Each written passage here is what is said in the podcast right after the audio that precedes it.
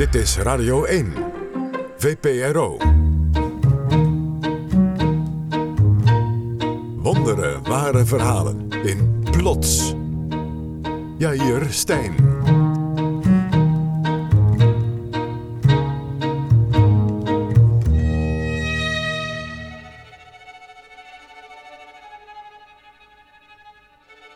Wij waren naar een blootcamping gegaan in Joegoslavië. En eh, dat was voor de eerste keer. We gingen nooit naar een blootcamping. Jan en zijn vrouw hadden de camping aangeraden gekregen door vrienden. Een enorm terrein in een prachtig natuurgebied. Het is wel even wennen, dat naaktlopen, maar Jan zet zich over de gêne heen. Er liepen nooit ge- geklede mensen rond. Dus, eh, en dan ben je ook meteen, als je voor het eerst daar bent op zo'n camping, dan doe je ook meteen ook, eh, ja, zo gewoon mogelijk wat iedereen doet. Hè? Na een aantal dagen is het eten op en dan gaat Jan op pad om wijn en pasta te halen. En het was bloedheet. Het was een stoffig, heet pad. En, eh, en zo liep ik, eh, ja, ik denk dat ik alles bij elkaar zeker wel 40 minuten heb gelopen. En toen kwam die campingwinkel in zicht. Niets vermoedend loopt Jan naar binnen. Maar toen ik de winkel binnenstapte, zag ik allerlei geklede mensen. En ik denk, oh shit. Jan is beland in een doodnormale winkel buiten de camping. Hij heeft alleen een portemonnee bij zich, verder is hij poedelnaakt. Persoonlijk zou ik op dat moment de winkel weer hebben verlaten. Zo niet Jan. Ik zag vreselijk tegenop om dat hele stuk weer terug te lopen. En ik denk, nou ja, dan moet het maar, hè. Ik ben naar binnen gegaan en ik heb net gedaan alsof mijn neus bloedde. En eh, gewoon de boodschapjes bij elkaar geraapt. Zijn mandje houdt hij als een vijgenblad voor zich.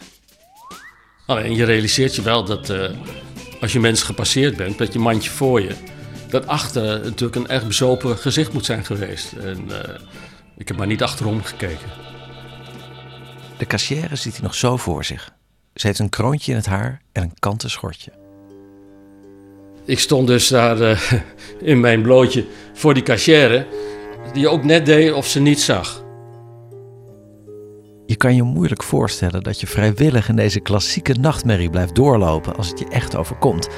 En Jan heeft ook wel even getwijfeld of hij de winkel zou verlaten toen hij besefte dat hij de enige naaktshopper was. Maar soms, als je niet weet hoe je verder moet, is er eigenlijk maar één kant die je op kan. Recht vooruit. Dit is plots met wonderlijke ware verhalen. Vandaag over mensen die besluiten om hun angsten, twijfels en frisse tegenzin te overwinnen onder het motto: vooruit er maar.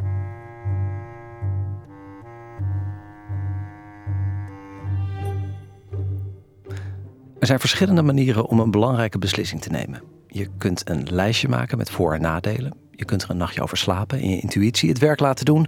Of je kunt je lot laten bepalen door de losse opmerking van een vage kennis. Acte 1, één zin. Een verhaal gemaakt door Tjitske Musche en Richtje Rijnsma. Ja, het is echt een, eh, een, een, een uitermate verrassende envelop. Hij is gestuurd eh, naar mijn eh, uitgever. En hij is ja, van een soort van schitterend glitterplaatje voorzien. In, in kleuren uitgevoerd, een soort plakplaatje, toch wel ter lengte van een vinger. Van twee ja, engelenachtige gezichtjes eh, die, die uit een soort bloembed voor de dag komen. Nou, dat, dat zit er dus opgeplakt boven de adressering. En dan staat ernaast met een uitroepteken en dubbel onderstreept persoonlijk. Dit is Chit. Onder het pseudoniem Nicolaas Matsier schrijft hij romans en artikelen. Er komen wel vaker brieven binnen via zijn uitgeverij.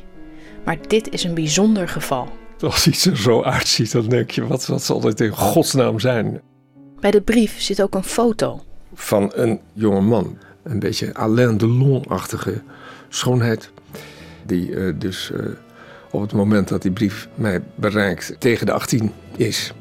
En eh, van wiens bestaan ik door die brief op de hoogte wordt gesteld.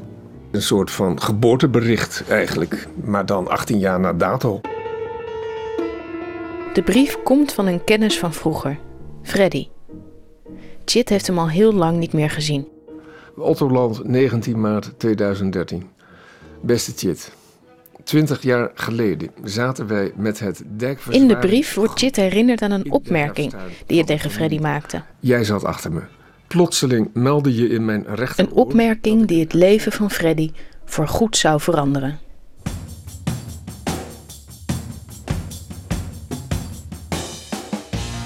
Ik was in de jaren 40 en eh, werkte in de journalistiek.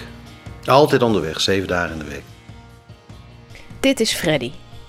Halverwege de jaren 90 is hij een succesvol fotograaf, schrijver en journalist. Een vrije jongen. Hij leeft voor zijn werk en voor de vrouwen. Het was gewoon een complete gekte in die jaren. Alles kon. Ook qua vrouwenbestand. Alles moest kunnen, alles. En ik moest vooral alles kunnen en alles mogen. Ik heb me natuurlijk heel veel gepermitteerd. Over heel veel eh, grenzen heen gegaan. Freddy heeft meerdere vriendinnen tegelijk. Als ik een foto moest maken of. eh, en dan eh, ma- mag ik een afdrukje en zo. Of het een kwam het ander. Ik, ik had soms wel eens drie keer warm op een dag. Letterlijk. Je werd uitgenodigd te komen eten. Settelen ziet hij niet zitten. Ik kan me, kon me ook niet voorstellen en nog steeds niet om, eh, om 24 uur per dag met iemand samen te zijn. Dat is, lijkt me eh, rampzalig. Toch droomt hij ervan om kinderen te hebben. Ik had me dat zo voorgesteld in mijn stoutste dromen dat ik een busje had met de grootletters K-O-H-D erop. De kinderonderhoudsdienst. Dat ik al een beetje zo rondreed. Wat ik eigenlijk al deed, maar dan die vrouwen, die hadden dan allemaal kinderen. En dat ik dan overal fietsjes repareerde en eh, barbecues en met ze ging alle kinderen eh, glijbanen maakte en timmerde. Dat zou ik wel geweldig vinden om als een soort boeddha over rond te gaan. En dan af en toe nog eentje een gezellige dag nog een kind erbij te maken. Freddy kan zich moeilijk voorstellen hoe het is om een echt gezin te vormen.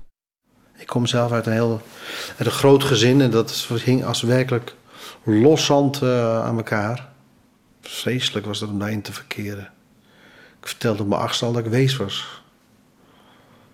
Het was een vechthuwelijk en een vechtkinderen. En eh, ja, mijn vader kon gewelddadig zijn. Mijn moeder trouwens ook. Het was, eh, het was een hel om in te verblijven. Hoewel hij een gezin dus niet ziet zitten, heeft het vrije bestaan ook een keerzijde. Nou, het was een ongekend zwerversbestaan. Zo. 80.000 kilometer per jaar, elke jaar een nieuwe auto. Weet als je eens kwam dat je, dat je ook alweer gauw weg was. Ja, dat gevoel werd ook gewoon steeds erger. Zo'n ontheemdheid. Als je zoveel onderweg bent, dan wil je ook wel ergens bij horen. Of thuis zijn. Of eh, denken, nou ja, dit is mijn plek waar ik, eh, waar ik leef of woon. Maar dat... Of waar iemand op me wacht, laat het zo maar zeggen. In de tijd dat Freddy met Chit in het dijkverzwaringsclubje zit, lijkt hij voor het eerst klaar om zich te binden. Wat helpt is dat hij een echte vriendin heeft. Een vrouw op wie hij smoor verliefd is. Ik kende mijn geliefde een jaar of twee, drie, denk ik. Ik was heel blij met haar. Past er goed bij elkaar. Gebeurt niet altijd in je leven, maar zo zelden dat de dingen goed passen. Op een dag in september vertelt hij haar dat hij een kind met haar wil. Ze zei, ja, ik weet nog letterlijk wat ze zei. Als ik, ik wilde graag kinderen, maar ze zijn er niet gekomen, dus ik ben waarschijnlijk eh, onvruchtbaar. De boodschap dringt nauwelijks tot hem door. Zoals de meeste opmerkingen die hout snijden, die, eh, die hoor je pas een paar uur later in wezen. In dezelfde week dat Freddy van zijn vriendin hoort dat ze geen kinderen kan krijgen, wordt hij gebeld door een van zijn vriendinnen van vroeger.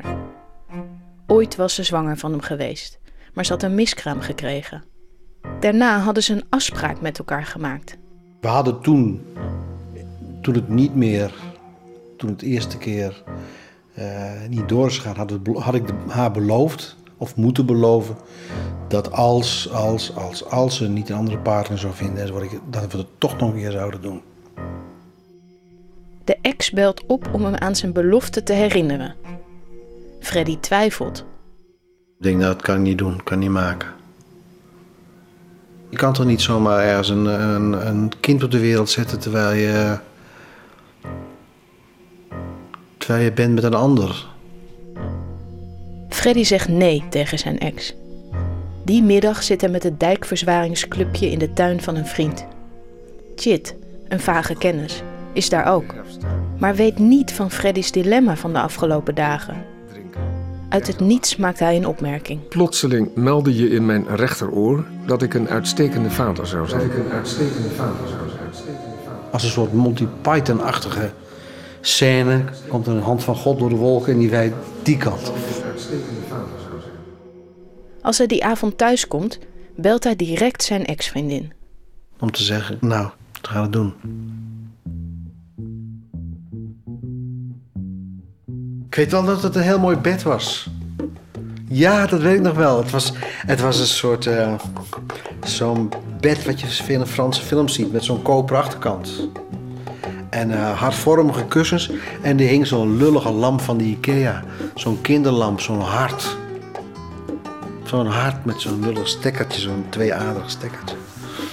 En buiten hoorde je het verkeer van de, van de Matanesselaan. Dat is een drukke laan dwars Rotterdam, waar allemaal viaducten in zitten. Je gedacht, maar tering, Harry. Aan zijn vriendin vertelt hij niets. Je gaat weg, je rijdt weer naar huis. Je blijft niet blijven slapen, ga naar huis. En dan, dan probeer je er allemaal gewoon niet meer aan te denken. Een paar weken later gaat hij met zijn vriendin op vakantie. Vlak voor vertrek gaat de telefoon. Zijn ex is zwanger. Freddy kan het nieuws niet verbergen. Ik was zo blij, dat was blijkbaar van mijn gezicht af te lezen. Zij voelde gewoon, eh, er is iets veranderd hier. Ze was boos, maar chic, chique familie. En eh, die weten hun woede goed te camoufleren. Freddy en zijn vriendin proberen de relatie voort te zetten alsof er niets gebeurd is. Negen maanden later is Freddy bij de bevalling aanwezig. Als de baby er is, weet hij zich geen houding te geven. Die arts keek naar me en zegt, wilt u de navelstreng doorknippen? Ik dacht, jeetje, daar ben ik er helemaal verantwoordelijk voor.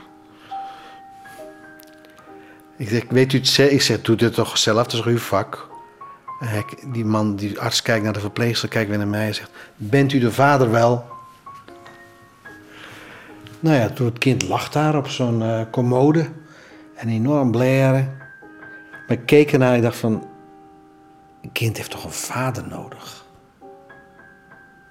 Dat dacht ik. Dus, eh, ja, kind heeft een vader nodig. Nou, daar zijn we aan begonnen.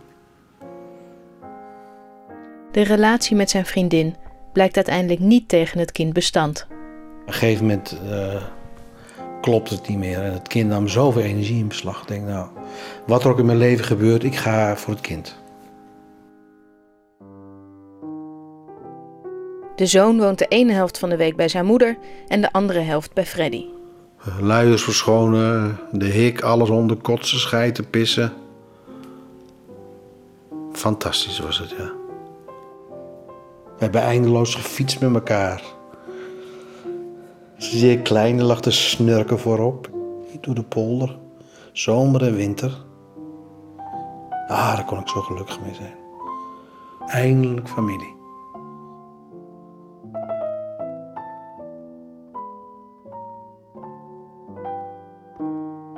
Beste Chit. Mijn zoon wordt deovolente over enkele weken 18. Bokst, Bokst op hoog niveau. Slaagt dan hopelijk voor het VWO. Heeft de intelligentie van zijn moeder en de wilskracht van zijn vader. Een mooi verhaal toch? En ik dank je voor de allesbeslissende aanwijzing. Vriendelijke groeten van Freddy. Zonder de beslissende opmerking van Chit was Freddy nooit aan het vaderschap begonnen, zegt hij. Maar Chit kan zich er niets van herinneren. Zo bijzonder als het was voor Freddy, zo normaal was het voor Chit om zo'n opmerking te maken. Ik weet ook wel dat ik dat af en toe eens tegen mensen zei hoor. Dus van eh, jij zou wel, eh, wel eens een leuke vader kunnen zijn. Of jij lijkt mij een leuke vader. Of wat voor formules ik ook in gebruik had. Ja, ik was er zelf inmiddels achter gekomen dat het leuk was om vader te zijn. Dus het kan wel zijn dat ik op die manier een eigenaardige propaganda bedreef eh, voor het vaderschap. Chit is een succesvol schrijver. Maar in zekere zin kan niets van wat hij heeft geschreven tippen aan die ene losse opmerking van 20 jaar geleden. Als ik een keer verbaasd ben geweest over wat één zin van mij heeft uitgericht, dan is het wel deze ene keer geweest die, die, die alle mogelijke eh, andere effecten van zinnen zeg maar, uh, verder overtreft.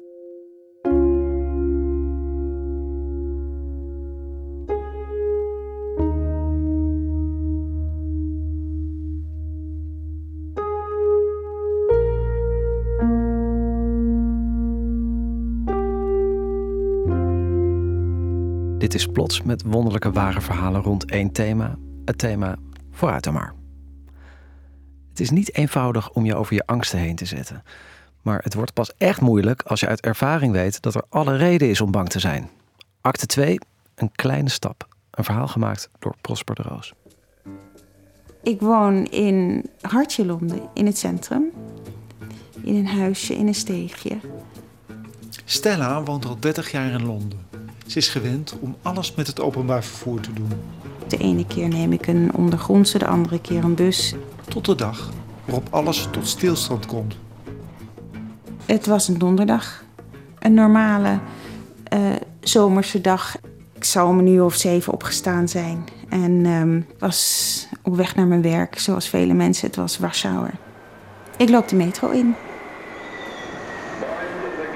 En op het moment dat we onder de grond gaan, um, is die trein een beetje hakerig en een beetje uh, langzaam. En die ging stilstaan in de tunnel, ergens waar het niet gepland is. Als je vaak in de ondergrondse zit, dan het gebeurt wel eens, maar niet op de manier waarop hij dat deed. Het was heel ongebruikelijk. En toen kwamen er kleine berichtjes van de conducteur. En die uh, zei dan uh, mijn excuses. Ja, het is wel gek, maar we mogen niet verder. Dus ik zag het uh, perron en de deuren gingen niet open. En hij zei: Het spijt me, maar ik heb opdracht gekregen om de deuren niet open te doen. Nou, wat er toen gebeurde was dat er een ijzige stilte viel. Het was doodstil.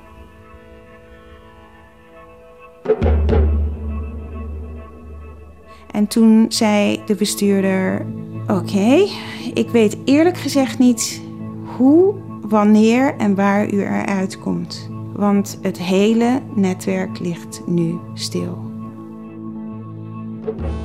Stella heeft soms last van paniekaanvallen. In de doodstille metro krijgt ze het langzaam benauwd.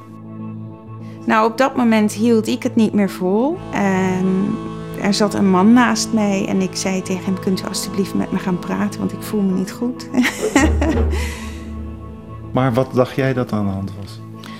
Ik wist het niet. Ik had geen gedachten. Ik wist alleen dat er iets groots gebeurd was. Londen in grote verwarring. Er zijn op verschillende plaatsen explosies geweest in de metro. Onduidelijk is waarom.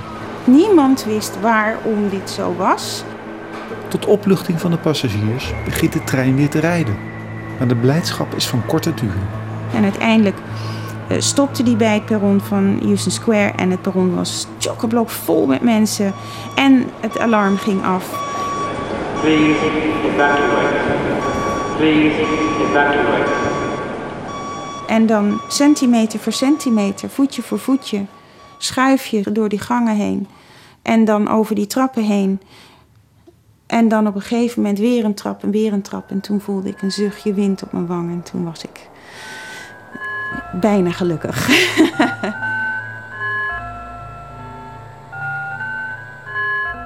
Hij kwam de metro uit.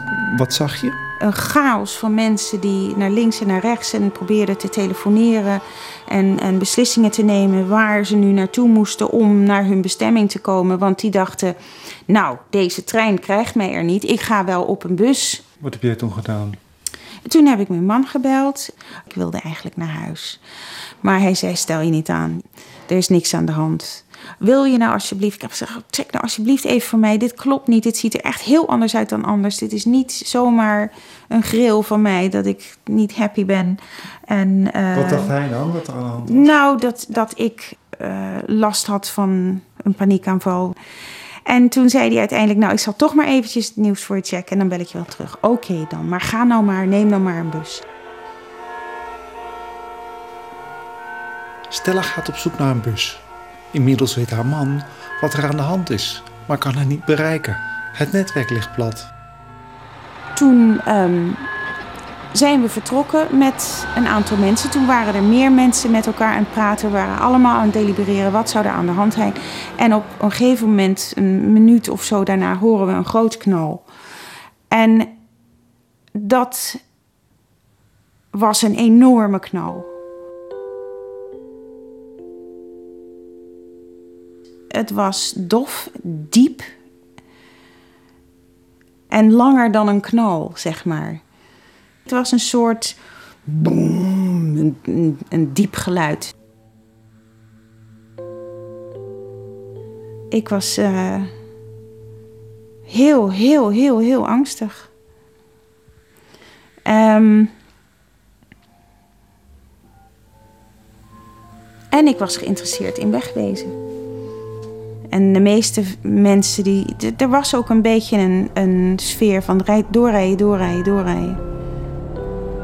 Ik heb ook niet achteruit gekeken. Dat wilde ik ook niet.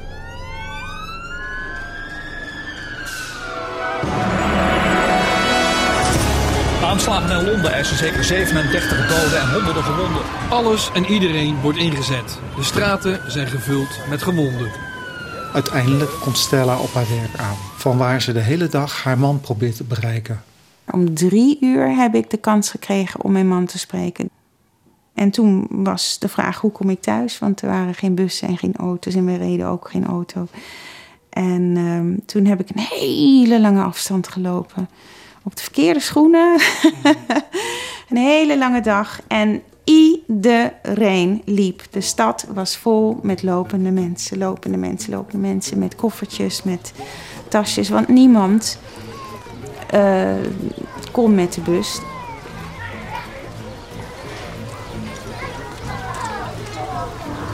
Daarna, op maandag, toen ik weer op mijn werk aankwam, heb ik een blackout gehad. En ben ik in het ziekenhuis beland. Um, ik kon niet meer zien, ik kon niet meer horen. Toen werd ik behandeld door iemand die ook dienst had op die dag. En ik verontschuldigde me en ik zei: Oh, wat vreselijk, want er zijn hier echte mensen geweest, echte slachtoffers geweest. En ik ben geen slachtoffer. Um, en toen zei hij: Nou, je bent de enige niet. Vanaf dat moment vermijdt Stella de metro. Ik wilde nooit meer in de ondergrondse. Nooit meer. De bus en de trein neemt ze nog wel, maar wel met enige reserve. Ik ging niet meer op donderdagen. In het, eh, ik vermeed sowieso donderdagen, want deze aanval was op donderdag geweest. En ik had geleerd uh, dat als aanslagen op donderdag zijn en het zijn. Uh, um, hoe noem je dat? Suicide. Zelfmoordterrorist? Dat heet een zelfmoordterrorist. Oké, okay, dus als je een zelfmoordterrorist bent en je doet dat op een donderdag, dan kom je in de hemel. Zoiets was mij te oren gekomen. Dus donderdagen waren sowieso. Als ik iets ging proberen, dan was het niet op een donderdag. En nog meer? Ja, als die te vol is voorbij laten gaan. Het is, het is heel kwalijk, want je kijkt naar mensen en dan denk je onaardige dingen van die mensen. Maar dan denk ik, weet je wat, ik neem de volgende trein wel. En het is te belachelijk om het erover te hebben, maar vooruit maar. Denkend aan de windrichting, een trein die rijdt en waar rook in is, dan is het niet zo goed, denk ik, om achterin te zitten, want dan komt al die rook in je gezicht. Dus het is beter om dichter bij de, de bestuurder te zitten. Dat soort kromme gedachtegangen. Dat zijn allemaal beweegredenen gebaseerd op persoonlijke uh, gedachtegangen waarmee je denkt de weg veilig te maken. Logisch, maar... Nou, het is niet logisch. Het is absoluut niet logisch. Want de volgende keer doen ze weer iets heel iets anders. Ondanks alle voorzorgsmaatregelen gaat de angst niet weg. Ik kon er niet meer tegen als iets stil ging staan.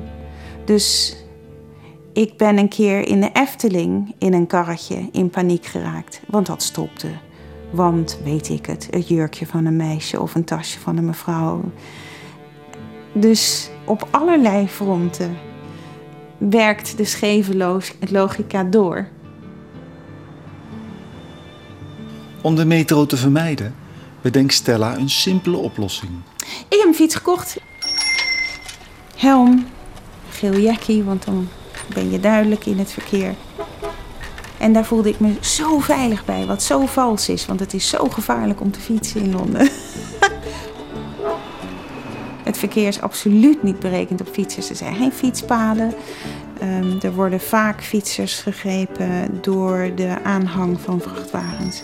En het andere wat bijna nog gevaarlijker is, is als het donker wordt, is het aantal gaten in de weg, de potholes. Stella fietst elke dag meer dan een half uur naar haar werk. Heel af en toe neemt ze de bus of de boemeltrein. Maar ze beseft dat er iets moet veranderen. Ik heb allerlei, allerlei redenen kunnen leveren om, om die vermijding te kunnen uh, volhouden. Totdat je genoeg van jezelf krijgt. Um, of genoeg van het feit dat je het zo lang in de bus zit dat je denkt: ik had er al een uur eerder kunnen zijn. Twee jaar lukt het Stella om de ondergrondse te vermijden. Maar dan op een dag zit ze zomaar in de metro. Want het gekke is dat ik dus me dat niet kan herinneren. Behalve dan dat ik me meen te herinneren dat ik, zonder dat ik er erg in had, me in de metro bevond. De eerste keer dat je dat gedaan hebt, denk je, wauw. en dan uh, doe je dat niet.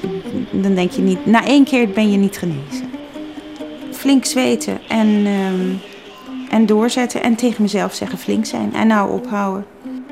En iedere trip die je dan maakt, dat is er weer een. Het klinkt gek, maar dat is een soort turven van... hé, hey, zie je wel, ik kom aan, ik kom aan, ik kom aan. En hoe meer je geturfd hebt, hoe, hoe, hoe beter het gaat. Helemaal over zal het niet gaan. Nog steeds zal Stella geen baan aannemen waarvoor ze met de metro moet. Maar die ene dag heeft haar ook iets positiefs gebracht. Je spreekt de taal anders, je hebt andere gewoonten, je weet dat mensen je anders vinden. Maar nadat jij deze ervaring gedeeld hebt met de ingezetenen van die stad, ben je niet langer een vreemdeling, je hoort erbij. En dat is het bekende feit van uh, mensen die bij, onder elkaar onder stress zitten, dan creëer je saamhorigheid. Um, ik had ooit twee konijntjes en die konden niet met elkaar overweg. En toen heb ik het asiel gebeld en die hadden konijnenspecialist. En die zei, je moet ze onder stress zetten. Je moet ze in een badkamer zetten samen. En daar hebben ze een nacht gezeten. En sindsdien waren ze helemaal dikke vriendjes. Dus ja, het heeft me eigenlijk veel meer uh, verbonden doen voelen met de stad. Ik ben niet meer een buitenlander. Ik ben een Londenaar. Ja, na 30 jaar.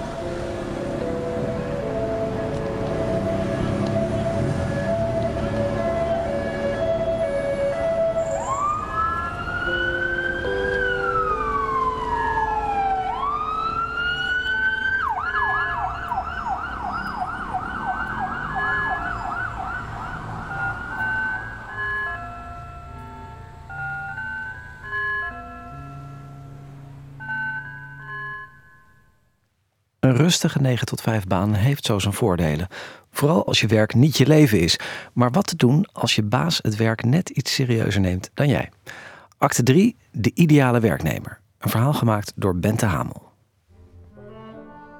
Begin jaren 90 werkt Rob als gemeenteambtenaar in Den Haag. Het is niet echt een flitsende baan, maar Rob is niet het soort man dat bezig is met een carrière. Het bevalt hem prima bij de gemeente. Weinig overuren, weinig stress en veel vrije tijd om te doen wat hij echt graag doet. Schilderen en tekenen, dat vond ik heel belangrijk om te doen en daarom werkte ik ook parttime. Heel bewust ook om, om dat andere werk te kunnen blijven doen. Hij ziet eruit als een kunstenaar in zijn corduroy broek en open blouseje. En dat is hij ook.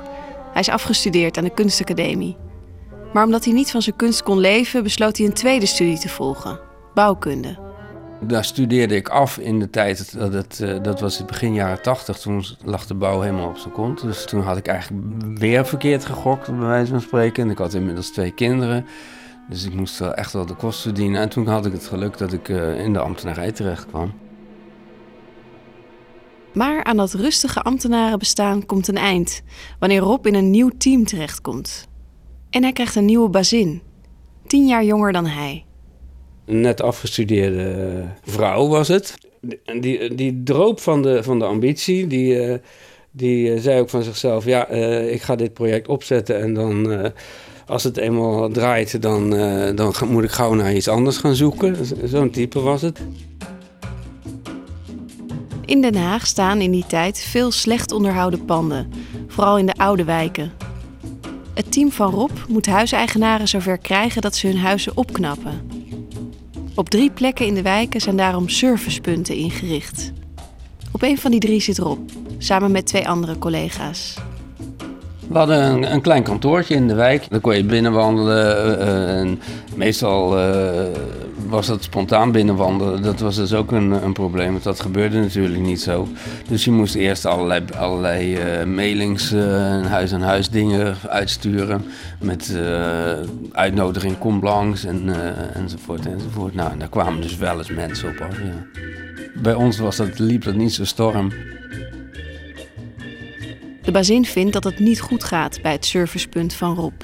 Als ze een rondje deed langs de servicepunten, dan belden ze van tevoren ook al op van eh, ik kom eraan jongens. En dan wist je dat je moest zorgen dat alles eh, in de, tot in de puntjes georganiseerd was. Op zich ook heel logisch hoor, maar het was zo evident dat het allemaal eh, in het gareel moest lopen. En je moest, iedere dag moest er zo'n grote, zo'n grote projectvlag aan de gevel worden gehesen. En oh wee, als je dat een keertje vergeten had. En, maar ook als je hem s'avonds vergeten had binnen te halen, dan zei ze gelijk van ja nee, dat, dat schiet dus niet op jongens. Bij de andere servicepunten gaat het een stuk beter. Je had heel vaak van die plenaire vergaderingen. Nou, en dan, dan, dan, was, het, eh, dan was het weer. eh, oh, en eh, die hebben weer, kunnen weer niet melden dat ze zoveel verenigingen geactiveerd hebben. Die kunnen alleen maar melden dat ze zoveel brieven hebben uitgedaan, maar verder niks. Nou, en daar zat je dan. Rob krijgt regelmatig de wind van voren van zijn bazin. Vooral dat ze vond dat, dat het voor mij geen eh, initiatief uitging.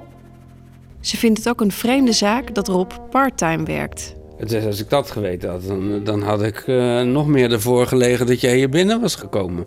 Want dat is toch, eh, dat is toch geen mentaliteit. Rob moet de wijk in, bewoners aanspreken. En dat, dat, dat was echt slikken voor iemand die eh, bouwkundig ingenieur is. En dan eh, op een braderie met een huisje over zijn hoofd eh, moet rondlopen. En dan moest gaan flyeren. Dat, daar had ik een soort. dan dacht ik van ja, zeg, geschiet op. De maanden gaan voorbij. Er komt een belangrijk functioneringsgesprek aan. Had een, eh, een, een, een, aant- een proefcontract voor een jaar. En eh, na een jaar zouden beoordeeld worden hoe, hoe, hoe het ervoor stond. En dat wist zij ook. Dus ze zei van ja, nou eh, Rob, eh, dit eh, ik ben helemaal niet tevreden over jou. En eh, straks dan moet ik toch ook eh, vertellen wat ik ervan vind. Rob maakt zich zorgen. Hij is de kostwinner van het gezin. Maar als het zo doorgaat, zal hij zijn baan misschien verliezen. Als er iemand dan aan me vroeg hoe gaat het op je werk, eh, barst ik bijna in huilen uit van eh, ja, het gaat helemaal niet goed. Eh, die bui die zag ik steeds dichterbij komen. Het had zoveel impact op me dat ik het ook op allerlei verjaardagen en zo op een gegeven moment ging vertellen. Ik moest daar dus iets aan doen, maar ik wist eigenlijk niet wat. Toen kwam ik dus een vriend tegen die eh, personeelsfunctionaris is en daar veel verstand van had. En die luisterde dat verhaal zo eens aan. En eh, die zei ook van ja, kan niet waar zijn dat je niet genoeg ideeën hebt. Of dat je, dat je niet geschikt bent voor dat werk. Maar eh, zij eist gewoon van je dat dat het enige is waar je mee bezig bent. En zeker totdat er wat resultaat komt. En als ze dan tegen je zegt ik hoor nooit wat van je, dan... denk ik dat, eh, dat je gewoon eh, bij jezelf de knop moet omdraaien. Al je gêne over de lulligheid moet je maar van je afzetten. En dat ben ik dus gewoon gaan doen. Hij besluit om meteen de volgende dag het roer om te gooien. Het moet een complete gedaanteverwisseling worden naar de ijverige, initiatiefrijke werknemer. Hij knoopt een stropdas om. Dat is de eerste stap. Hoe hij het verder aan gaat pakken, weet hij nog niet precies. Gelukkig doet zich een kans voor. Van alle servicepunten wilden ze een, uh, een reclamekreet hebben voor een of andere flyer die ze gingen maken. Toen had ik een enorme flash van, nou, de, de, want dat, ja, dat ligt me wel een beetje publiciteit. Uh. Dus toen ben ik uh, onmiddellijk, uh, heb ik allerlei kreten zitten verzinnen. luchtkastelen behoeven geen onderhoud. Dat was de kreet die ik toen verzonnen had. En toen heb ik gebeld van, nou, volgens mij moeten we het zo doen of en moeten we het zo doen. En toen had ik gelijk zoiets van, ja, en ik heb nog een idee voor een uh, mailing die we moeten gaan doen naar aanleiding van de Sinterklaasperiode. Beter één schimmel op het dak dan, dan tien in, in de keuken. Of zodra er maar een invalletje was, dan ging ik aan de lijn en dan zeg ik, hé, hey, uh, heb je even tijd? Want is dit misschien wat?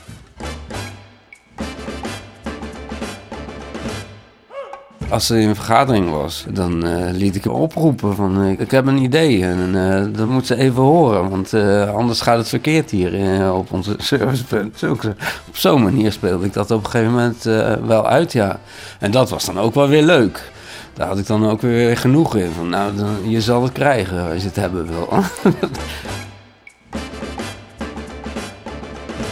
ik was dus eerst benieuwd of ze, of ze me als een lastige horzel zou afschudden. Maar dat was helemaal niet zo. Ze ging er enthousiast op in. En, uh, dus die positieve benadering die ze uitstraalde, waarvan ik eerst dacht van, joh, schiet op.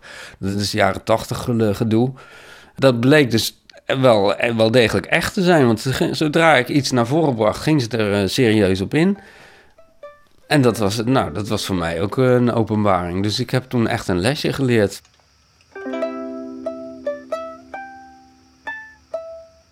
Die arrogantie van de jaren zeventig, die moest ik eigenlijk inleveren. Dat, daar komt het op neer. Dat ik gewoon moest denken van, ja, nou, uh, doe maar mee gewoon. Op een gegeven moment uh, doe je dat toch maar gewoon. En dan kan je er ook nog de lol van inzien. En uh, om jezelf lachen, bij wijze van spreken. En dat heb ik daar geleerd. Na zijn ommezwaai ontdooit de ijzige verhouding tussen Rob en zijn bazin. Ze gaan soms samen lunchen raken zelfs op elkaar gesteld. En als ze vertrekt bij het team, organiseren Rob en zijn collega's een groot afscheidsfeest voor haar. Het was echt een, een, een innig afscheid van, nou, dat hebben we toch leuk gehad, zoiets. Ze erkende ook dat we, dat we onze problemen hadden gehad, maar dat we daar duidelijk gezamenlijk over te boven waren gekomen. Het was ook heel, uh, ja, het was enigszins ontroerend nog zelfs, ja.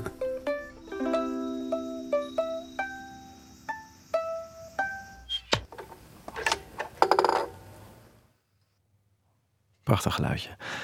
Maar het zat alleen mijn hoofd te breken wat het precies was. U mag een, een, inzending doen als u het weet.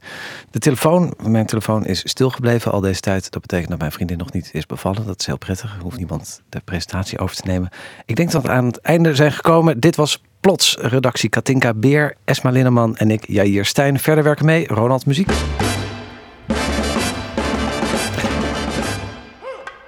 Precies. Jennifer Patterson, Laura Stek, Bente Hamel, Richtje Rijnsma, Tjitske Musche, Prosper de Roos, Irene Houthuis en Jula Altschuler. Stef Visjager hielp ons aan Jan, de man op de naaktcamping. Techniek Alfred Koster, productie Sharon de Vries.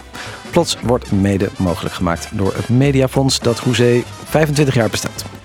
Kijk op onze website om meer prachtige ware verhalen te vinden en lid te worden van de gratis Plots podcast en om een reactie achter te laten op onze uitzending. vpro.nl slash plots. We zijn verslaafd aan die reacties, dus blijf ze sturen. Hmm, wat nog meer? U kunt uw eigen verhaal opsturen via dezelfde site. vpro.nl slash plots. En we zoeken nog persoonlijke verhalen voor onze komende uitzending. Het thema is de ander. Wordt uw leven zuur gemaakt door een ander? Of andersom? Doet u uh, verwoeden, maar tot mislukken gedoemde pogingen om een ander te begrijpen of te helpen? Mail ons. Want dat mag ook. plots.vpro.nl Volgende week verhalen in Studio Itzerda. Straks Bureau Buitenland met Chris Keijnen. De volgende Plots is er weer op 27 oktober, zoals altijd op de laatste zondag van de maand. Ik ben uitgepraat. Tot dan.